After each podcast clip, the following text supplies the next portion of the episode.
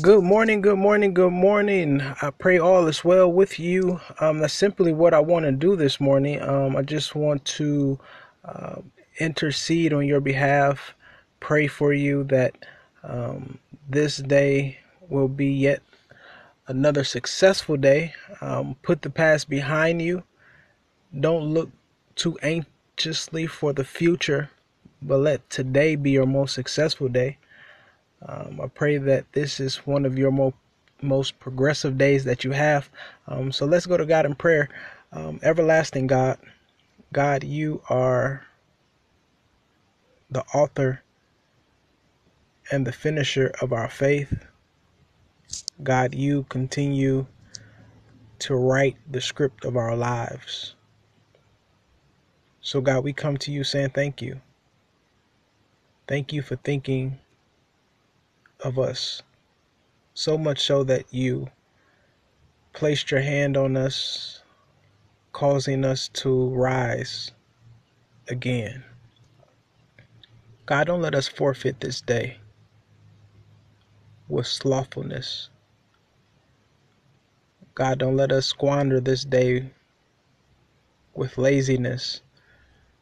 But God, we pray, God, that you give us the strength to make the most out of this day.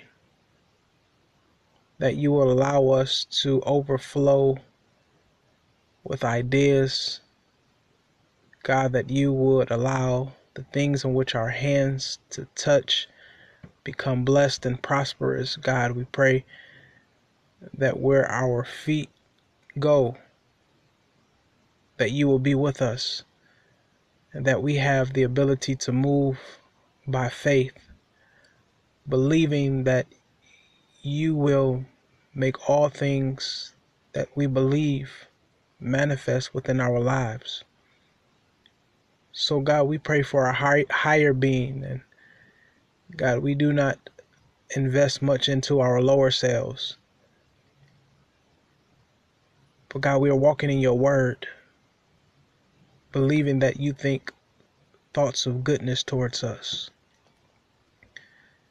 that you don't think evil of us, but that you have an expected ending for us, that all things work together for good to those that love you and those who are called according to your purpose, God.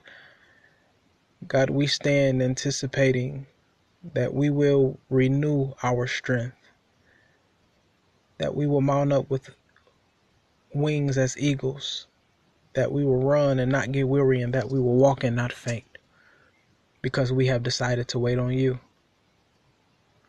So, God, as you have made the sun stand still for Joshua, and you have parted the sea for Moses, God, you have opened up a window from heaven, allowing manna to come down for the children of Israel.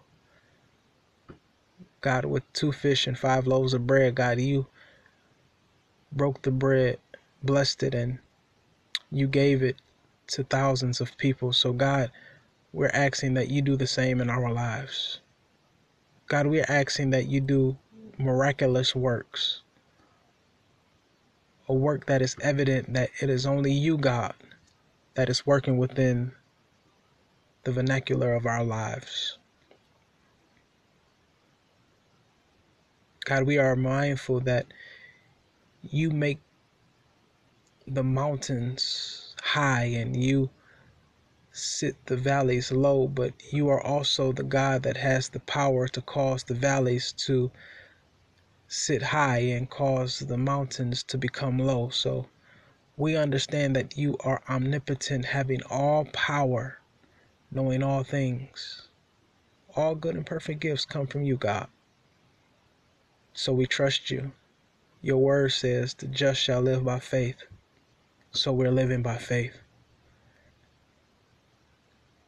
God, your word says without faith it is impossible to please you. So, God, I am praying for increased faith. That someone will hear the words in which your servant is praying and begin to trust you a little bit more and rely on you a little bit more and lean not onto their own understanding, but trust you that you will direct each and every one of our paths. Order our steps, God.